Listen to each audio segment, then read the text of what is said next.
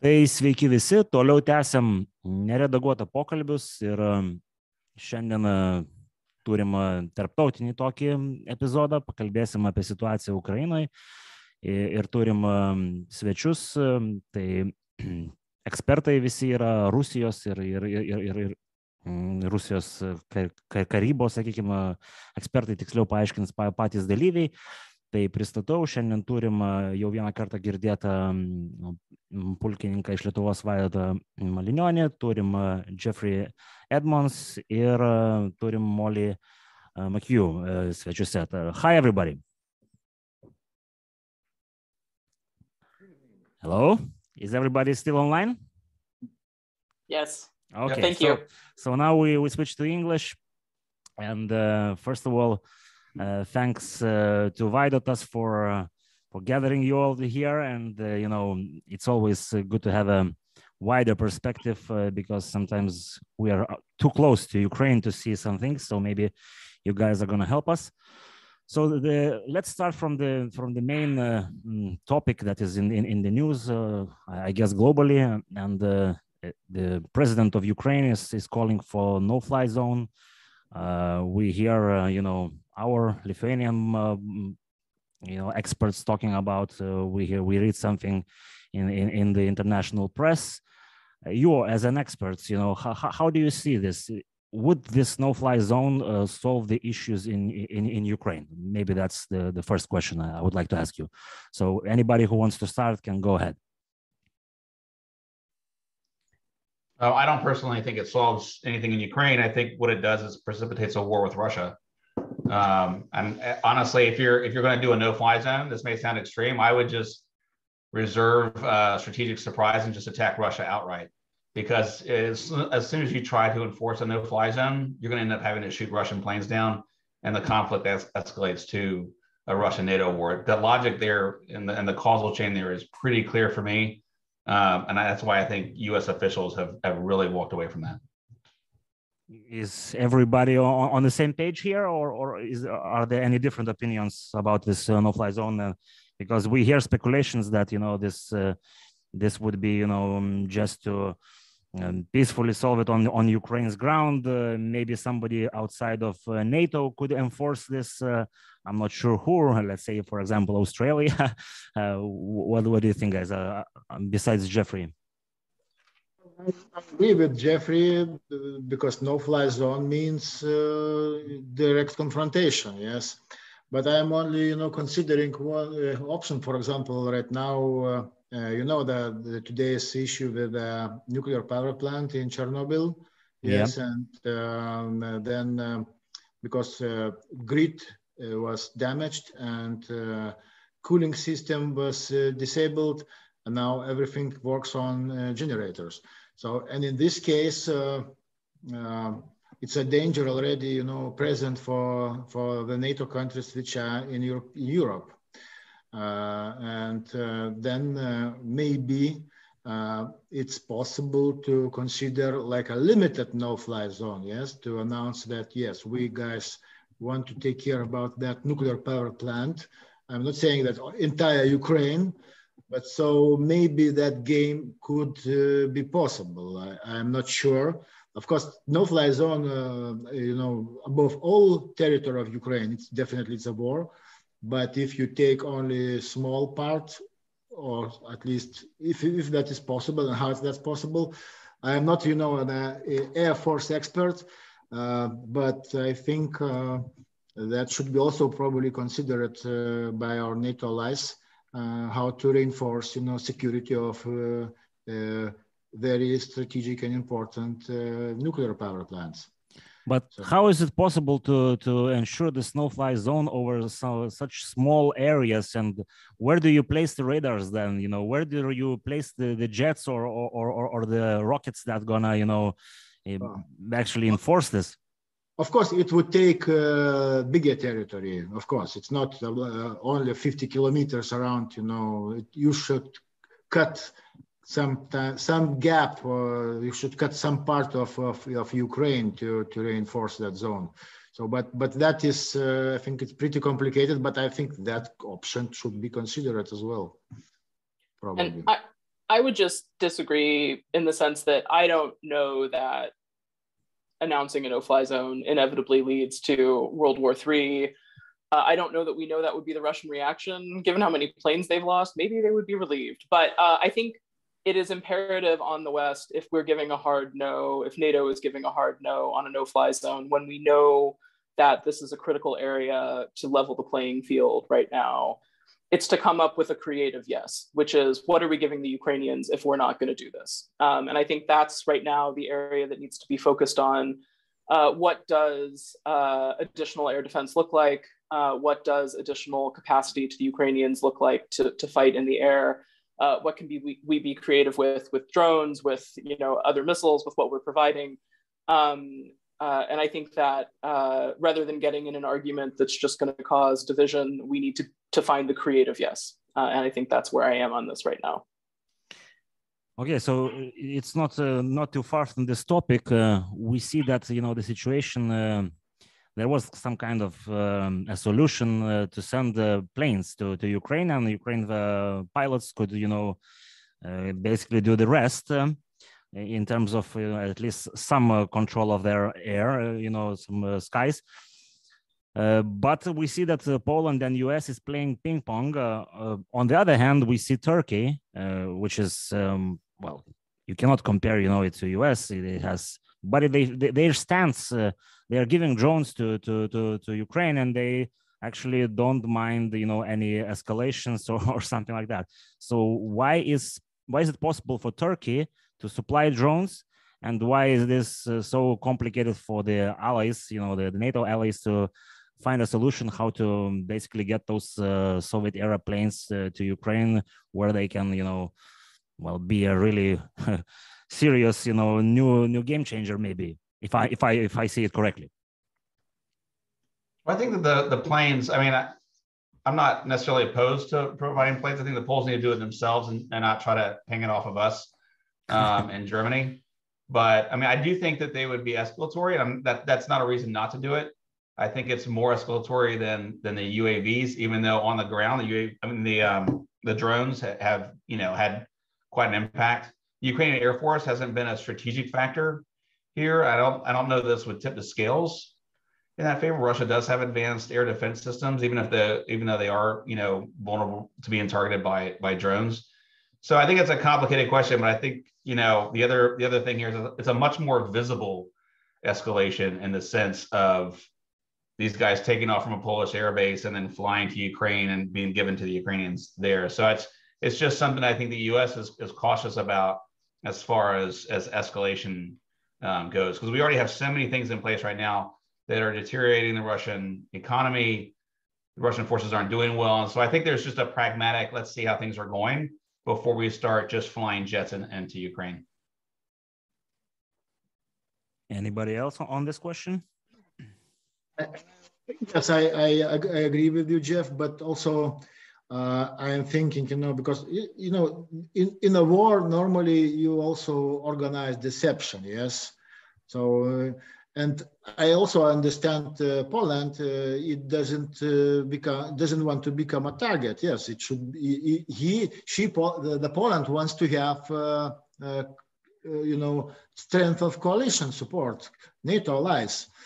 But uh, I'm just, you know, brainstorming. Maybe you know how deception in this case should work. Maybe exactly what is happening. Yes maybe those planes are pro being processed and you know uh, nato allies are playing uh, deception and that would be maybe ideal you know to confuse also the the, the putin i'm not saying that it, it is you know happening right now like like this but uh, but some kind of deception probably also would be welcome in this case uh, in right. order to, to confuse belligerent side but like people have said, this has become one of the more transparent wars we've ever seen. And if the Russians have learned anything, it's that they it, they're having a very hard time masking the movements of their units.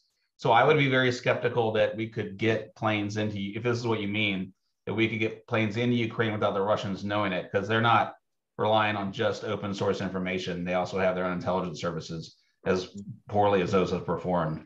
So I just don't know that you could pull it off that way. Um, again, like I said, I'm not necessarily against it. I just think it needs to be thought through. Um, and like I said, there are other drivers here that are changing things on the ground and changing things in Moscow. And I think it might pay to give that a little time to see what direction that's going. Yeah.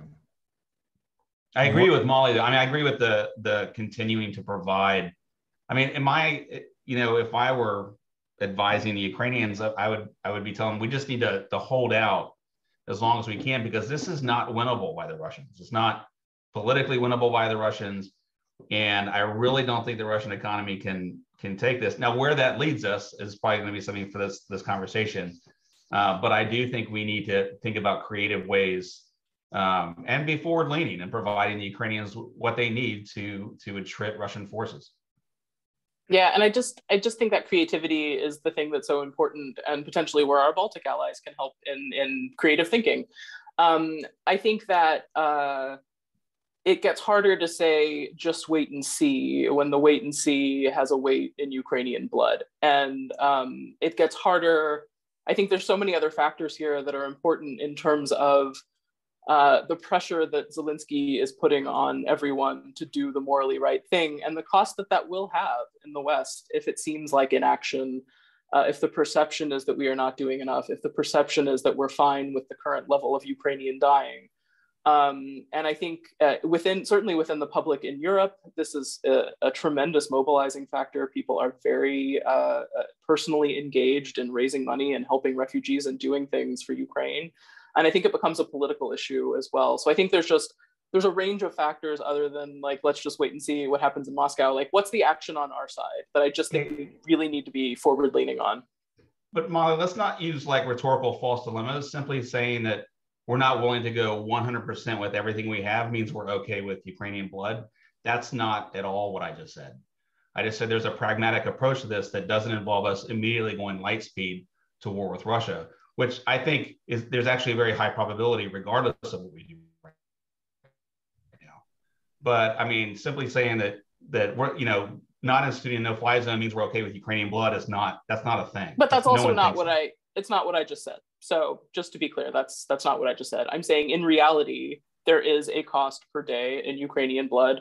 Uh, sure. and people are aware everybody's watching it live as you said and so i think there's there's a range of factors beyond just the let's see what's happening in Moscow one that need to be weighed in that equation that you're talking about. That's all. I just want to clarify this theoretical uh, question, like uh, modeling, you know, the the outcomes. Uh, let's say, let's say, you know, there is a no-fly zone, and you know the the West imposes it.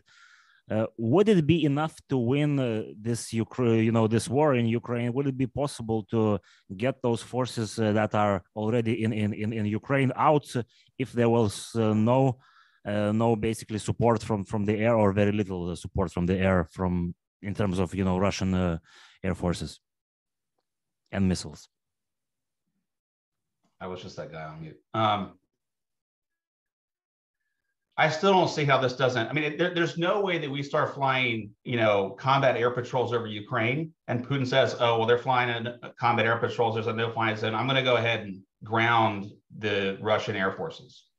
I mean, this is an existential issue for him. He can't lose this, and so he's not he's not going to let us fly over Ukraine, right? And it, and I don't. I also don't agree with the idea that you can sliver off part of Ukraine. If I were Putin, you'd sliver off part of Ukraine for no fly zone. That's exactly where I would send my fighter aircraft because um, I just I just don't think, you know, like I said, if you're if we're going to do that, we should just attack Russian forces, right? Because that's what it's going to lead to anyway. And so we might as well maintain the surprise and the tactical advantage and just lean forward and attack Russian forces. Because in my mind, they're really in the end, they're kind of the same thing. Otherwise, you're not enforcing it. And then what have you done? You've lost credibility. You've announced a no-fly zone that you're not willing to enforce right? So so where where are you then? So I, I just think it's it, at this point it's a non-starter, um, and I, I don't think it actually helps the Ukrainians out. I mean, unless a unless you think a wider war between NATO and Russia helps the Ukrainians out, then maybe it does. But I think that it, it quick pretty quickly escalates from from from there on out. Anybody want to add, or let's move to the to the other topic? Pretty clear answer. No, no. okay, so th- there was a question from uh, our Patreons like, uh, what about the Russian intelligence? Did they do the job before, you know, planning this uh, this uh, war, or why did they underestimate the resistance, the the, the situation, the, the political winds in Ukraine? You know, because we we heard that you know some in, in the the first. Uh, wave of uh, these, these soldiers. They they had you know their fancy uh, uniforms and uh, basically they were waiting to be greeted with uh, flowers and uh, you know vodka and bread. Where did this go wrong in the first place that uh, you know the, the russians did not prepare themselves so properly? Or is it a terrible condition of that army you know and you know it, it's it, the problem is there not not not in the preparation of, of intelligence uh, I think uh, uh, definitely the, the, the, their decision makers, the, the, the planners, they underestimated uh, Ukrainian capability. Yes, and uh, but how is it possible with the Russian, you know, military personnel? And you know it's a huge country. It's properly militarized. It has a budget of like 40% gdp for the military.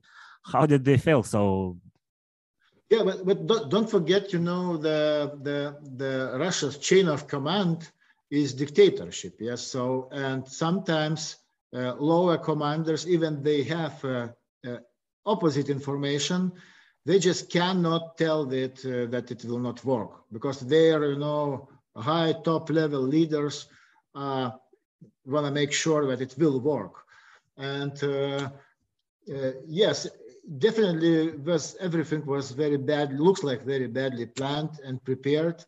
And uh, they uh, uh, you know we are, hoping for the fast uh, victory. That's the reason they attacked in many directions at once. They they you know spread their forces. They didn't uh, organize a, a, mass on the certain you know uh, areas.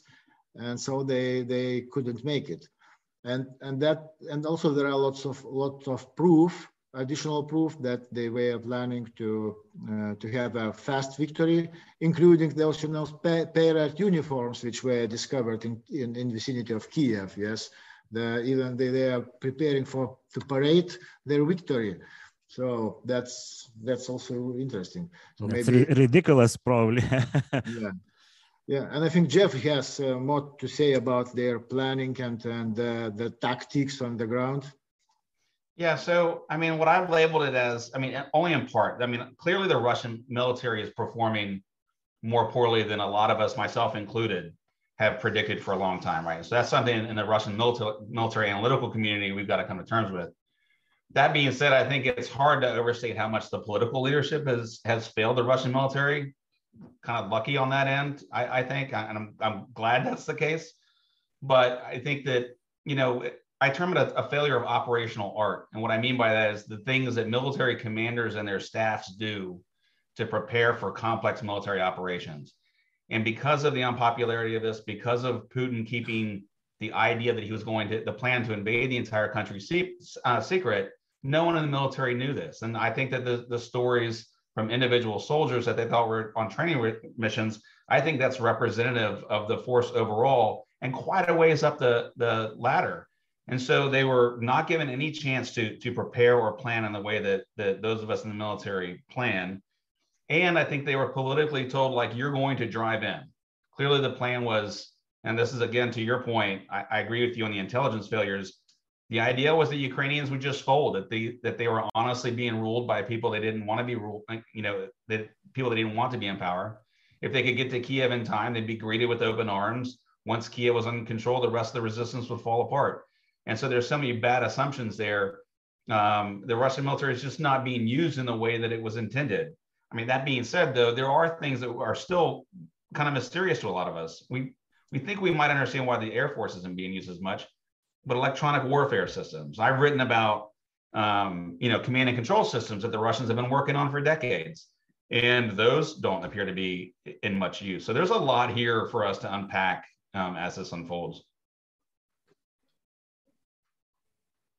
And I think maybe just one addition to that that relates specifically to uh, sort of the broader information domain Um, I think there's going to be a lot of analysis of whether uh, the Russian magic information bubble worked against them in this case, particularly that they weren't watching anything from outside.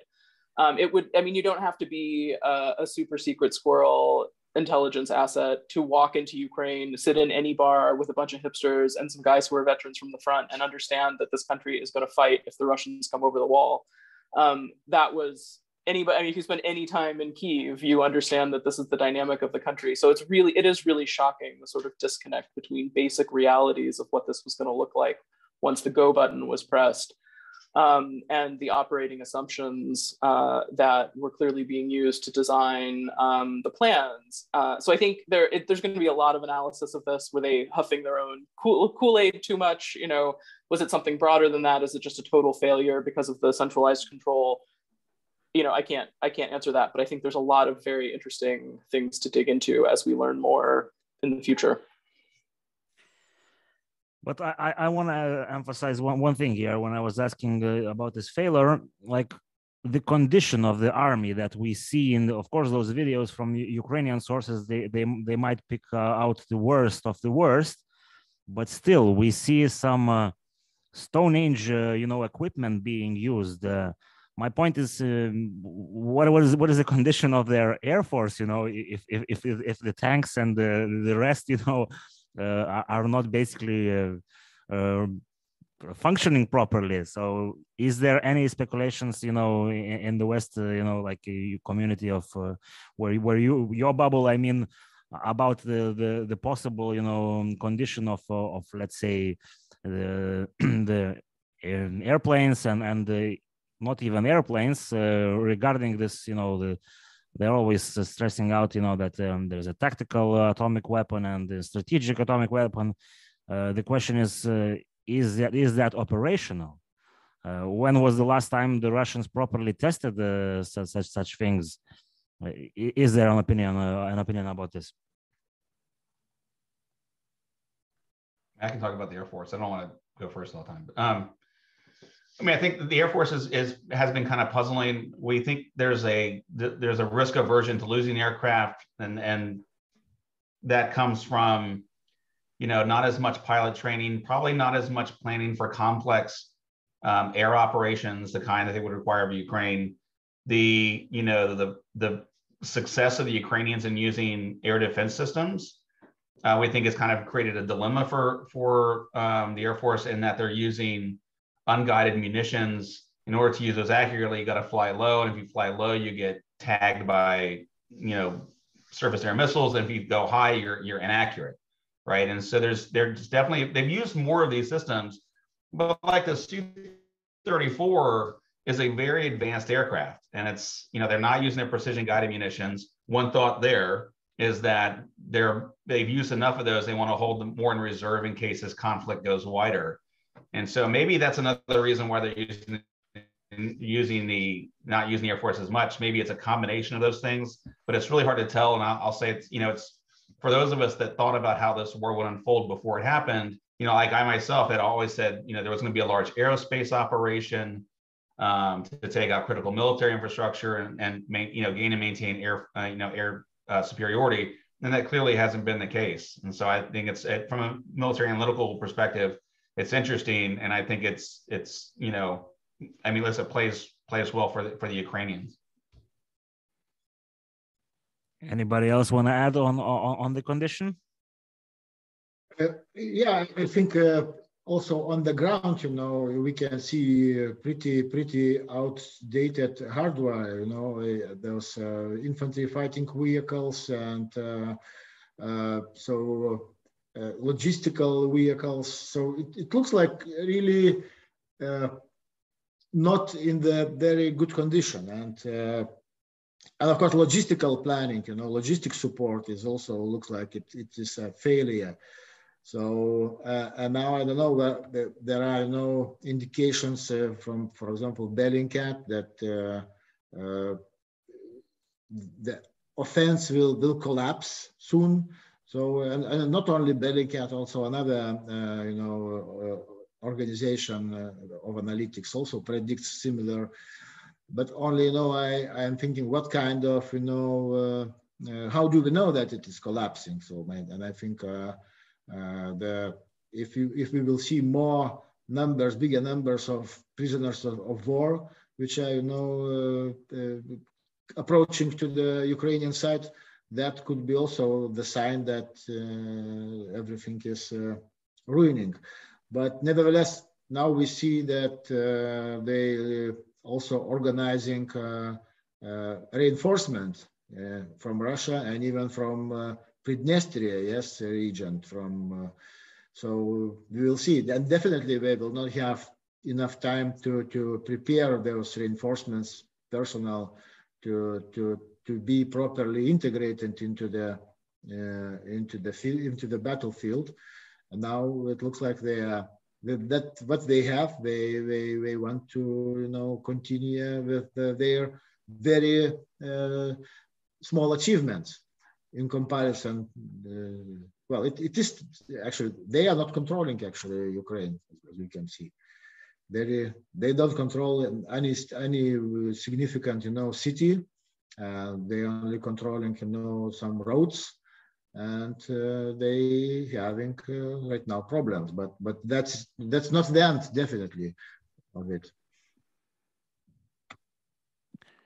molly would you like to add something to this I mean, obviously, I'm not going to uh, add strategic genius on any on any Air Force commentary here. But I, what I would say is uh, what what Vaidotas was just talking about. I think is important. Just that it's clear we didn't see stuff we needed to see also. I mean yes the russian failure is is vastly more significant in that they're the ones who decided to execute this war but um, there's stuff we're not seeing too and i think we have to be aware of that as we are looking at all the pieces moving around trying to figure out the is this it? Is there more? What's the what's next? Is it here? Is it outside? Is it something else? Is it horizontal?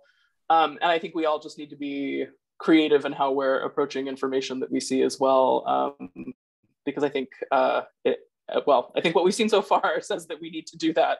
Um, but I think everybody's aware of that. So hopefully we're keeping our eyes on all the different balls.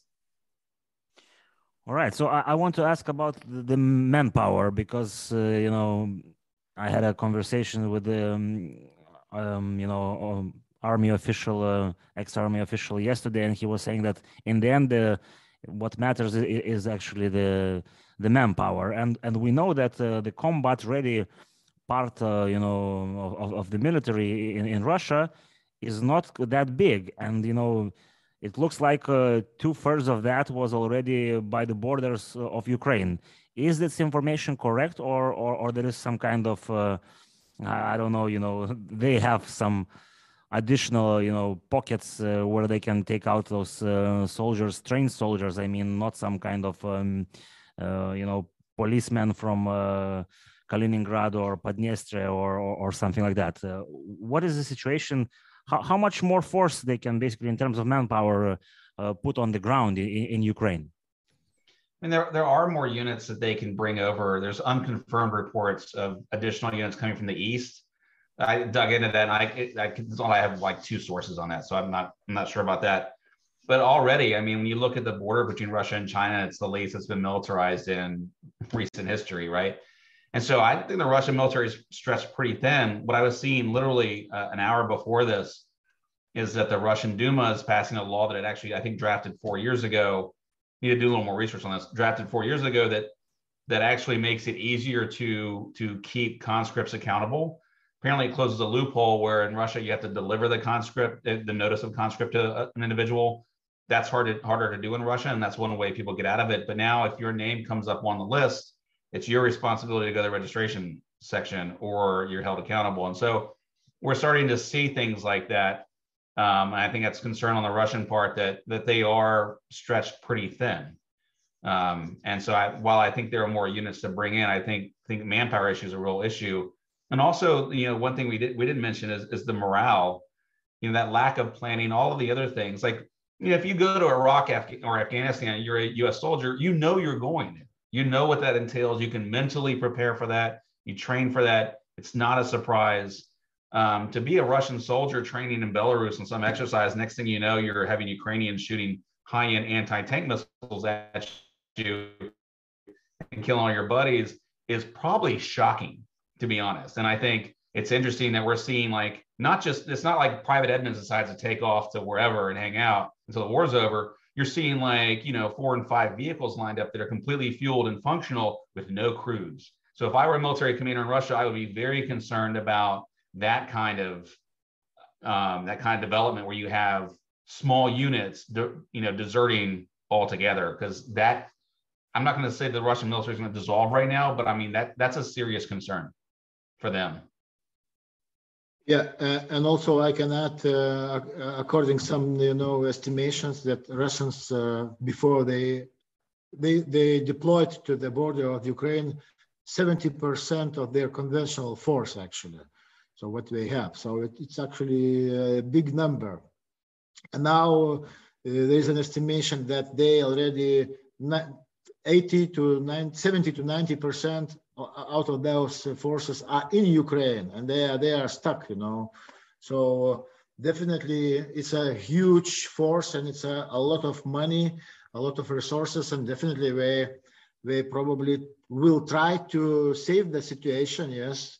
Uh, uh, and if they don't have a very uh, high level ready force, yes, they will use what they have. And they have, of course, big pocket of reservists, sure.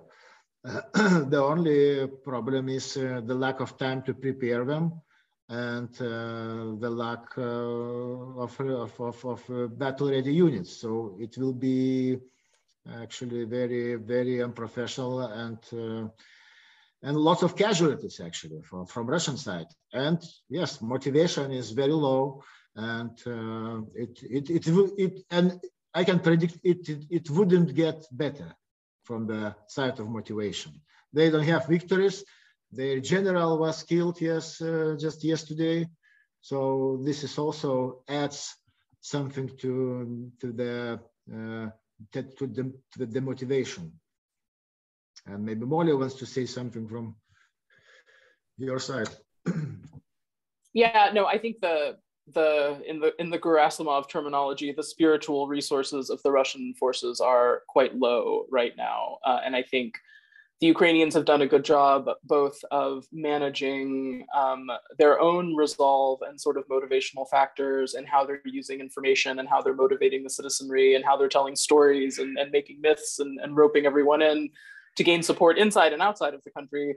Um, and there, that a lot of that targets the Russians too. And uh, I think if this was the first group who was probably at least somewhat prepared for for what they were stepping into, the guys coming after are going to have more awareness of the fact that this isn't great. And uh, I think that's going to be very interesting, exactly for the reasons that that Jeffrey said, which is you know, there's clearly stuff that's just been walked away from already. And, and I'm sure we're seeing as many of those pictures as the Ukrainians can find to sort of create this perception of uh, desertion.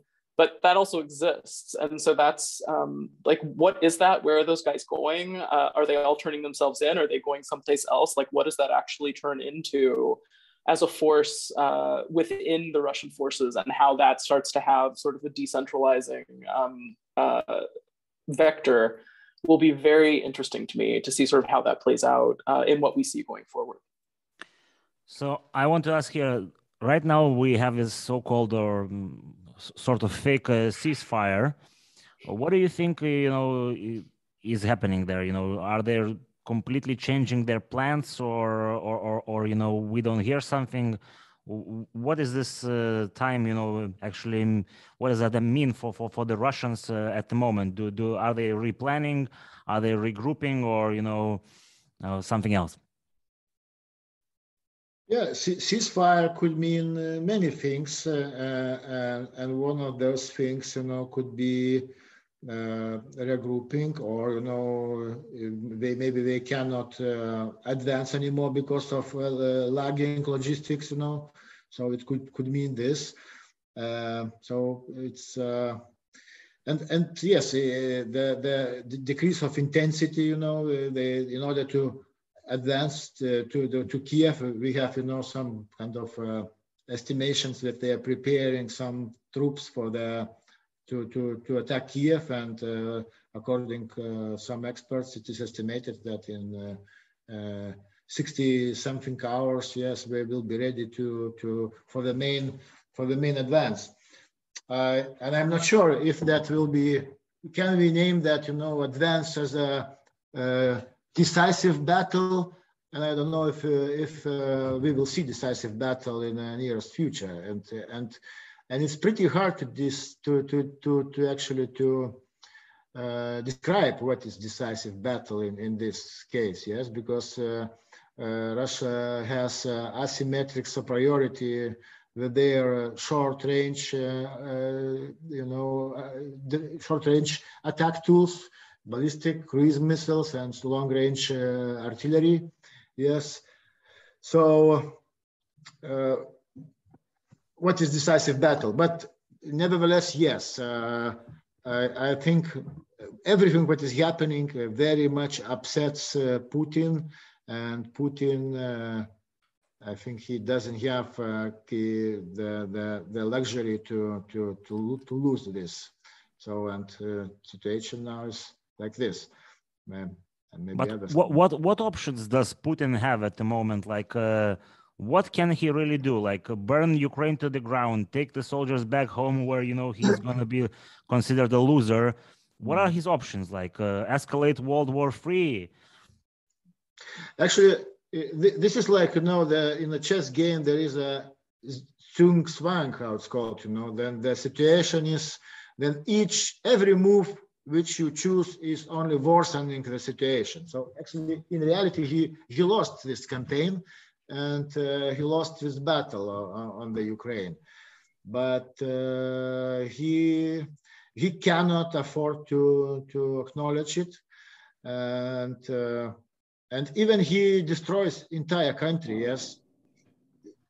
Can I ask, is it a victory or but yes if you destroy all a lot of cities and you know you still have pockets of resistance it's a long it's a many years uh, you will have uh, you know commit your forces and troops in order to to to hold that status quo, and especially when you go into into this battle you know as a the, yeah. the the narrative was that you know Putin is going to liberate the Ukrainians and yeah. basically get rid of the drug addicts and uh, you know yeah, neo-fascists and stuff like that. So yeah, exactly. And, and you know, uh, I also read one uh, expert. He compared that okay, uh, Hitler, uh, uh, Uh, you know, he had uh, you, you know cemented allies against the the the, the, the Germany uh, starting 43 and Russia begins from the same from 43 so they, they already in comparison, if, if you compare, you know, World War II,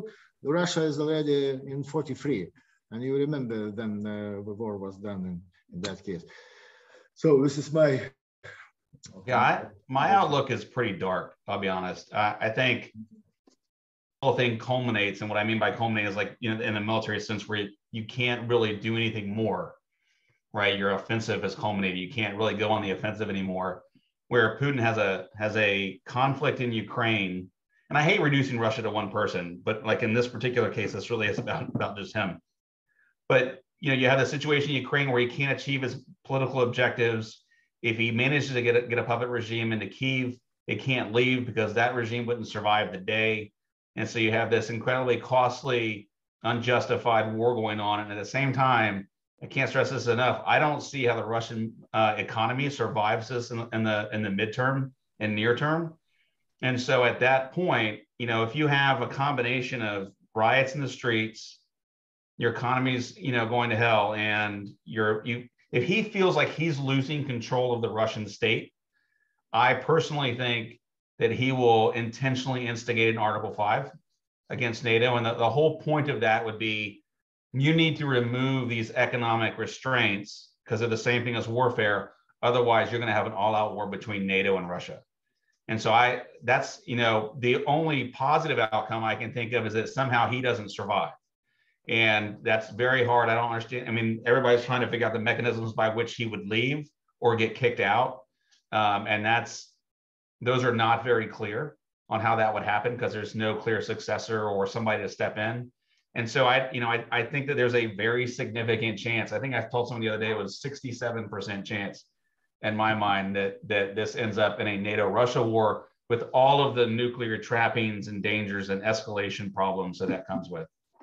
Sorry to be so dark, but that's that's what I'm trying to work with. Um, I think I think there's there's sort of the there's the magical but what if Putin disappeared you know thinking which is is maybe a nice thing to to spend time on but not not practical I think we all agree.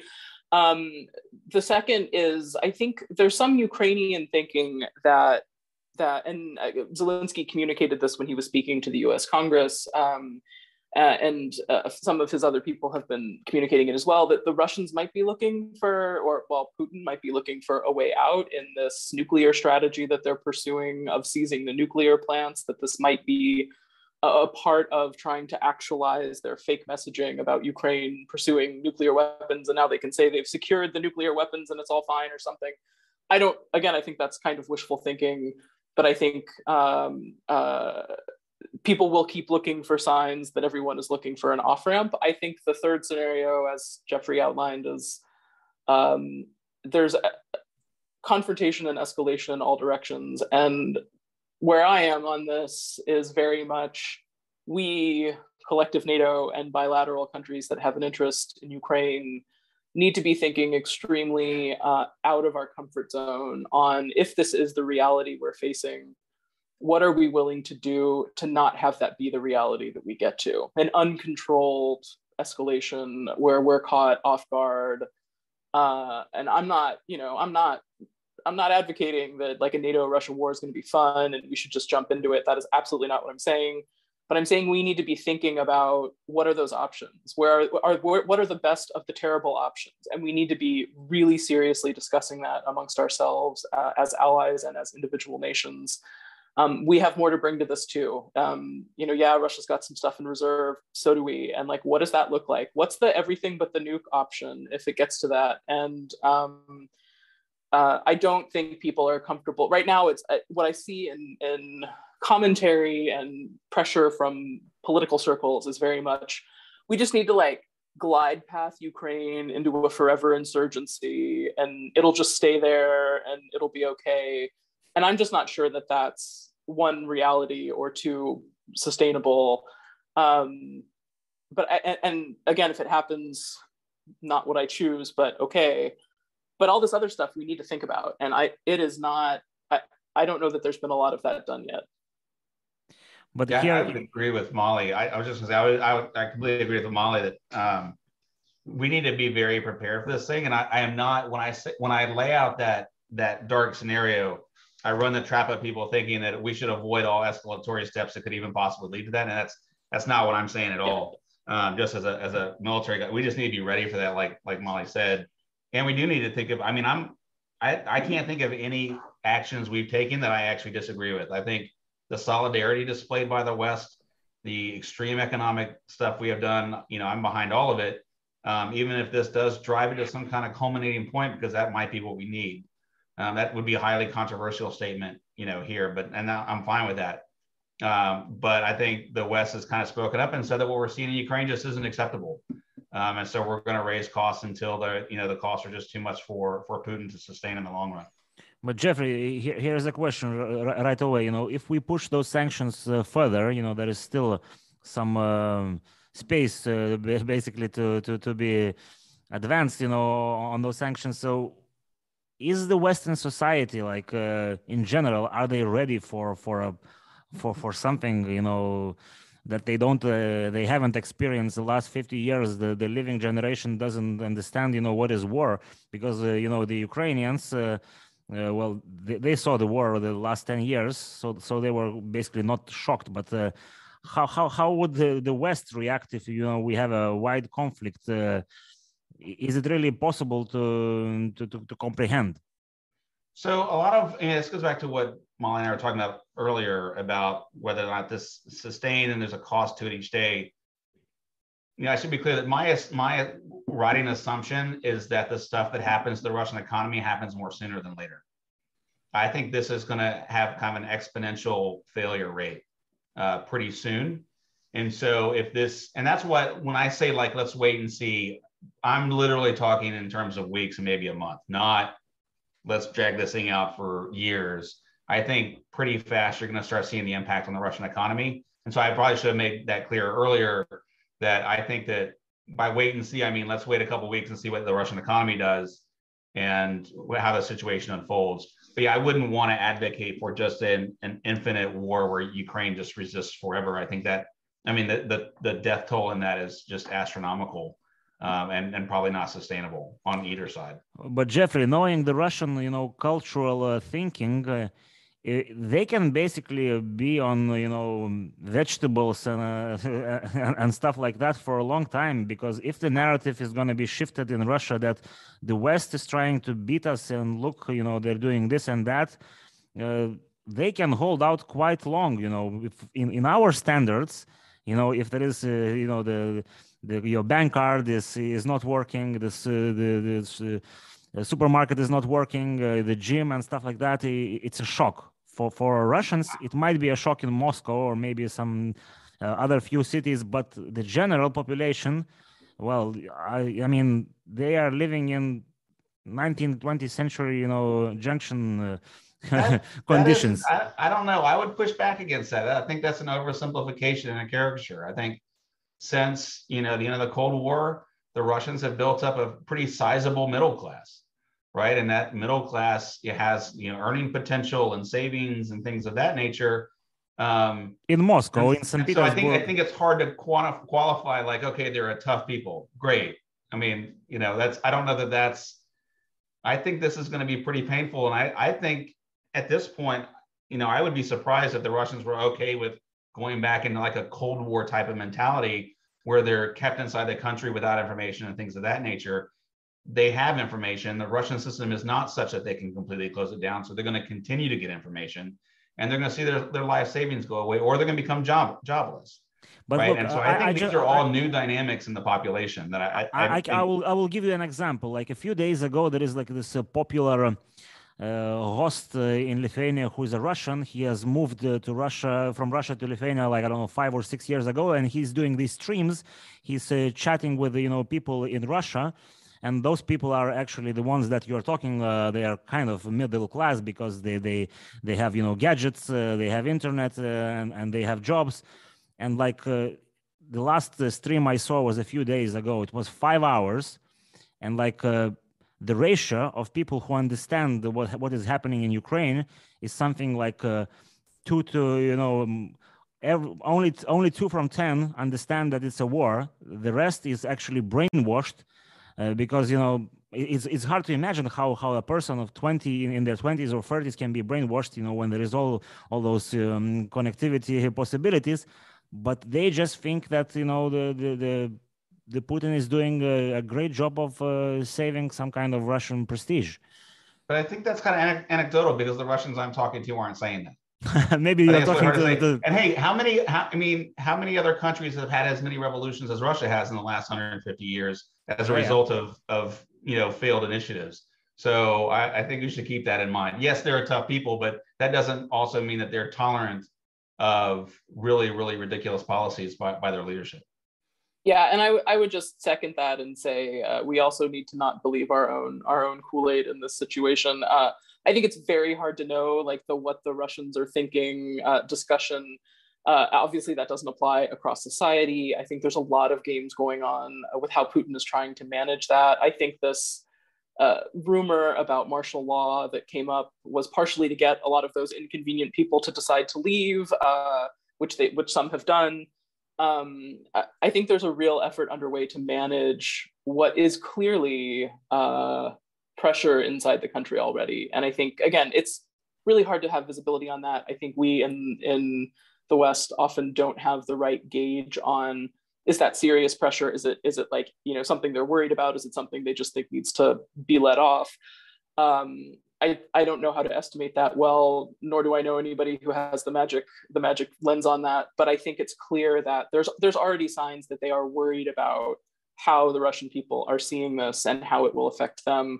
And while it is absolutely true that the Russians have been put more on a war economy mentality over the past years because of different rounds of sanctions, because of these games with like, you know, banning Parmesan cheese and bulldozing it in the streets or whatever. That's partially true, but there's a really big difference between, uh, okay, stuff's not always great and I can't get Italian cheese, and like back to the you have two beats a week and there's a ration card. Uh, I, if if but I think this would go back to the we need to be creative and not and not wait in the wrong ways. There there's some hesitation on implementing additional financial measures, um, which I would say like whatever we have left, crush it. Like just crush it. That's the best hope we have. Well, of... you should tell that to the Germans.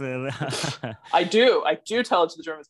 But uh, I mean, just there needs to not be caution on this because it's if, if what if what everyone wants to say is we want to do everything not military first then you have to do everything not military now um, that is the best option that we have. When we see it's act like for once there's actually enough of a weight on the side of sanctions which are normally just kind of for show. Um, but the and i think beyond sanctions the reaction of industry sort of the self-sanctioning people just pulling out cutting deals it's not worth it for them anymore.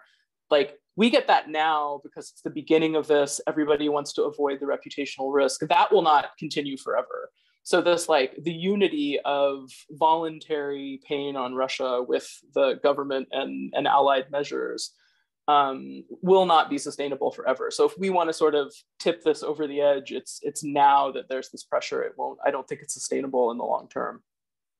Vaidotas, I, I want to, to ask you, what do you think? Is is, is, is it safe to bet on the Russian society that uh, the pressure will, you know, get the, you know, the basically the, we will get from that what, what we want, or maybe it can uh, backfire completely in a different way because uh, you had a chance, probably more, uh, the most of uh, from uh, all the speakers here, including me, to, to, to understand the, the Russian mentality what do you think? Is it is it is it, completely different uh, from what it was like in the 70s, 80s, or or or you know there is still some different type of uh, mentality in, in, the in, in Russia? Yeah, you know, it's it's another generation, you know, uh, and this generation uh, of, of young Russians who were born after the 90s, after the collapse of Soviet Union, they already saw the the other part of the globe, not only you know Russia. Uh, so definitely we have new new generation Russians, and I agree with Jeff that uh, Russians are you know uh, revolutionary country. So a lot of you know revolutions actually happening in Russia. Only you know they need what? They need uh, leadership uh, who who can uh, hold that. That's the reason you know Putin is very eager to imprison his or even poison his opposition, you know. So he knows that those people can be very dangerous for him at certain point. But I'm also coming back to that uh, uh, prognosis of the, uh, you know, end state of this war.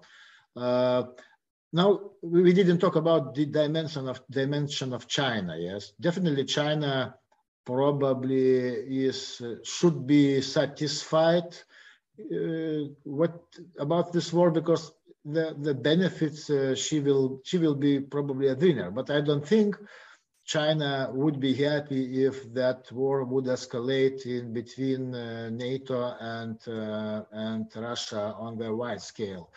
That that that is also for china i don't think it's a interest any kind of interest. And uh, right now, uh, and I think there is possibility that China can be kind of moderator between Western and Russia. Yes, uh, how to and, maybe they can help to facilitate uh, some kind of uh, possible peace. Uh, even I, I, yesterday I saw that China has already agreed to to be this player. Uh, but but that's only very beginning, and of course we are very shy in criticizing, you know, Russia's action in Ukraine. So, but uh, this is also interesting development, and we also have to watch very closely what China is doing. So th this raises a, very interesting question, like uh, because if China facilitates some kind of uh, you know peace, their reputation in the world uh, is is going to increase So United States of America, would they let uh, you know this narrative that China basically solved this crisis? Uh, what would that mean to, to the reputation of United States if, if they let you know China solve this uh, this this conflict uh, you know because china as you mentioned is interested in you know in having the, the wallets uh, of europeans and americans paying for the for the for the goods that they produce so but united states can they let china solve this conflict uh, is it is it is it on the table for for the reputation of uh, of united states that's a hard question i don't i don't think the united States if if for some reason some magic China suddenly showed up with a, a solution that solved the conflict to you know the satisfaction of all parties involved. The, the United States wouldn't stop that from happening. Um, the chances of that happening, I think, are incredibly small. Um, I don't. I mean, the Chinese have been walking this weird line where they're accusing us of all of our nuclear and biological labs, trying to go along with the Russians, but at the same time, kind of criticizing the war. And so they're in a weird place. And I imagine they're kind of surprised with the solidarity of the West economically against Russia. Now, China's a whole different thing. I'm not a China expert, um, but I'm sure they're, they're watching that. I just don't see China playing an extremely constructive constructive role in this, especially when they have journalists on the ground um, trying to support the Russian narrative. And so I don't, I just don't see where they would they would come up with some kind of solution that would satisfy us and the Ukrainians. Molly. Yeah, I mean, I I think China is is trying to play a weird game here, but is also perfectly happy to watch Russia and, NATO eat each other alive if it comes to that. Like that would that would be a perfectly fine solution for them while they sit over there and and and and have Cheetos while they're watching it on TV. But uh, I they they are trying to insert themselves in some of these things. Who wouldn't as a chance to to gain status and what is going on? Um, but I don't see that right now as being uh, as much of a factor. In ter- certainly, it's not what Washington is turning to for information or solutions. Um, and it, it's not very clear to me that, that that's what Moscow is thinking either. So I just I don't I, I don't know, but you know I think we'll see we'll see what happens. The Turks are trying to get into this too, and I, I don't know. Nobody's going to have the magic dust, though. I don't think. Okay, so uh, I see that we have kind of um, are approaching the time limit. So let's maybe finish with the what should we do here in in, the West, uh, in the, especially in the region that is closer to to to the to Ukraine and to Russia. Uh, we already see the, you know the, the the change from um, deterrence to, to defense and you know all, all, all those troops uh, that are, are being deployed in the in the region what else should we do you know to, to be prepared uh, for for any outcome you know if if, if that's uh, that's the case? You know one thing that i would add quickly um, and and i'm going to throw this out there because i have to jump. I have i have another thing after this as well. Um, yeah, but is i think on the european side um, there has been this tremendous mobilization of the public i think partially because the imagery from Ukraine is so visceral for people whose grandparents lived in cities getting bombed in World War II, and they know those stories and they know what this means. Uh, for America, it's a much more distant, uh, a much more distant thing. But I think the way in which, for for the for NATO countries, for Western countries, understanding that this is going to require a fair bit of public mobilization. I'm not talking conscription for war necessarily, but you need to get people paying attention to this and in the way that I think European citizens um, are viewing themselves as participants in this, what can we do? How can we take in refugees? How can we raise money? How can we get supplies? How can we be, you know, send money to the Ukrainian army? Do they need body armor? How do we get that to them? In the way that I think there's a lot of that activity here because of proximity as much as anything. I think the US government needs to think about that. And like, who knows what it is? You know, maybe it's a war bond, but Americans are already looking for ways to, to give money and time and, and uh, support to Ukraine and to its fight. Um, and our government can capitalize on that as a way of preparing society for the fact that this may not uh, resolve quickly and that they're going to need to be prepared for pain beyond just saying like your gas prices are going to go up. Like that's not enough. Get people enlisted in this in a way that's mobilizing them. I think that's really important, in addition to all of the creative, military, and other thinking that needs to be happening, including unconven- unconventional stuff that we just like everybody needs to get out all the binders and uh, look at what the options are right now because uh, leaving them in the drawer is not going to help us um, get out of this. But thank you for having me on, and I really appreciate the chance it was, to, it was, it was to pleasure. contribute. Thank you. thank you so much. Bye. Yeah, I, I completely agree with with what Molly said. Um, I think we we really need to be um, preparing ourselves for the potential for this conflict to, to escalate. Um, I know that inside, I mean, I know there are war games, there's other planning. I mean, I, I know that the at least our administration has thought about this, and I imagine they've communicated to the Europeans. But there needs to be a public uh, drive to really make people understand that this might get a lot more nasty over time, um, and maybe that's just the way it has to go. And on the on the support question you asked, I think we need more of the the much more of the same. I think more anti-tank, more um, air defense systems, and yeah, to be creative about providing those things and to continue to get those in, um, because the longer the Ukrainians can can hold out and, and attrit Russian forces, the sooner this thing resolves itself. However, that that might turn out. Uh, but I also I also have to leave, so I've got to I've got to get going as well. Okay, Jeffrey. So uh, thanks a lot. Uh, we'll finish with Vaidotas and uh, have a good day because it- it's uh, you're in the states. So take care. Thanks. Thanks so much for having me. Alright, tai mes su Vaidotu pabaigsim matyti lietuviškai. jo, tai iš, iš tikrųjų pakankamai, ta, pakankamai niurus scenarijus, e, kaip pačiam atrodo, ar mes jau turėtume, vat, kaip sakė Jeffris, e, komunikuoti visuomeniai, kad nu, ruoškime blogiausiam scenarijui, nes nu, to mes vis tiek negirdim dar e, savo medijose, kad e, žodžiu, nežinau, pirkit ten amuniciją, maisto atsargas ir kitus dalykus, visko gali būti. Kaip jums atrodo, ko- kokį mes vat, galėtume, nes nu, mes aišku ne- nesprendžiam Lietuvoje ir, ir NATO, mes toks pakankamai tylus balsas visam alijanse, aišku, mes stengiamės tapti pakankamai tokiu lyderiu, kažkuria prasme, nors čia matyti Lenkai jau šitą, šitą poziciją yra užėmę ir, ir nieks jų iš tenais ne, neišmes dėl, dėl grinai geografinių aplinkybių. Kaip, kaip mums ruoštis?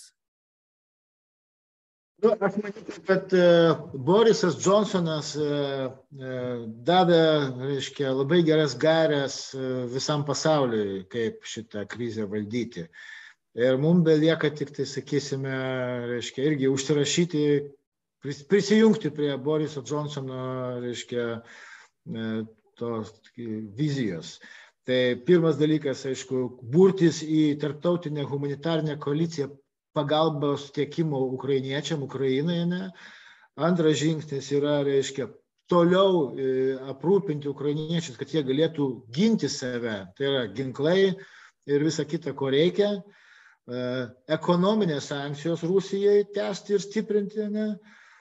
Tada tarptautinė bendruomenė turi, žodžiu, e, nedaleisti šito, kad Rusija steng, įstengtų pa- pasakyti, kad čia yra štai šita situacija normali, tai yra new normal, net šito negalima padaryti.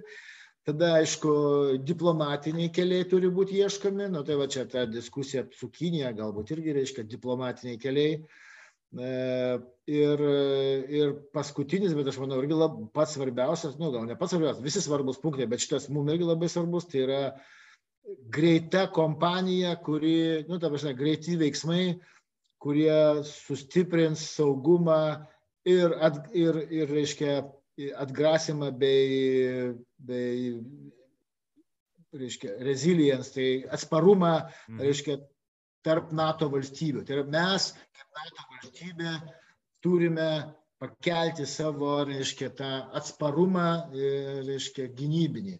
Nes supraskim, kad e, e, alijansas yra toks stiprus, kaip stiprus jo yra nariai. Tai mums, sakykime, reiškia, reikia ne tik tuos pirkti ginklus, bet mums reikia ir turėti tuos resursus, kurio, naudot, išnaudoti tuos resursus, kuriuos jau turime. Aš, ir aš kalbu apie, organi, apie rezervą, apie jo suorganizavimą. Mums reikia daugiau, daugiau karių, daugiau organizuotų karių.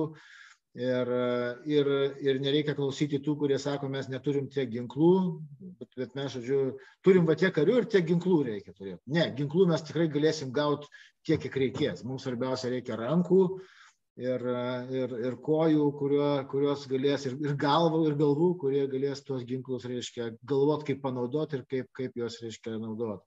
Tai va, tai tokie, kaip sakant, mūsų gairės ir aš pritariu Borisui Johnsonui. Ir manau, kad nu, bus kaip bus. Tikėkime, kaip sako, geriausio, bet ruoškime blogiausiam ir dabar tas metas.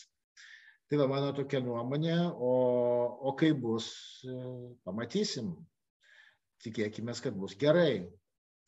Tai jo, taip filosofiškai, bet aišku, čia sunku kažką, kažką ir, ir pridurti. Tai bet kokiu atveju manau kad e, žiūrovai išgirdo tam tikrą platesnę poziciją nes vis tiek e, kaip jau minėjau kai kai yra pokalbiai su lietuviais tai mes vis tiek turim tam tikrą ir tą bajas e, lietuvišką, o, o, čia išgirdom žmonės, kurie, kurie jo nėra veikiami, aišku, jie turi savo bajas, bet, bet kokiu atveju, kuo daugiau tų balsų, tuo, tuo aiškiau galima suvokti, kas vyksta. Ir ką, pirmiausia, tai aišku, dėkui, dėkui Vaidotui, nes be jo visos šitos e, laidos nebūtų buvę. E, čia buvo jo pasiūlymas ir, ir iš tikrųjų buvo pradžioj dar kitas pašnekovas, bet e, teko sukeisti, nes Švedija, žodžiu, laikosi, kad tokiam temam per daug diskusijų neturi būti viešų, kas yra savaime suprantama. Tai Vaidotai, dėkui, tikiuosi pratesim Ir tikiuosi, kitą kartą jau bus kažkokių geresnių natų, nes ypatingai Jeffrey tai buvo toks kaip tas, žodžiu, tokio baisaus scenarijaus, kuris, aišku, yra pakankamai, pakankamai realus. Tai ką, tai, tai dėkui Jums. Dėkui, dėkui visiems, kurie žiūrėjot. Nepamirškit mūsų socialiniuose tinkluose ir netikėkit propagandą, kuri yra skleidžiama apie neredaguotą, nes mes, kaip matot, neeskaluojam karo ar nepateikiam kažkokios dezinformacijos, bet kaip tik kalbame su žmonėm, kurie žino gerokai daugiau negu 99 procentai visuomenės. Tai ką, dėkui ir iki kitų kartų. Iki. Taip, gerai, tai dabar sustabdom.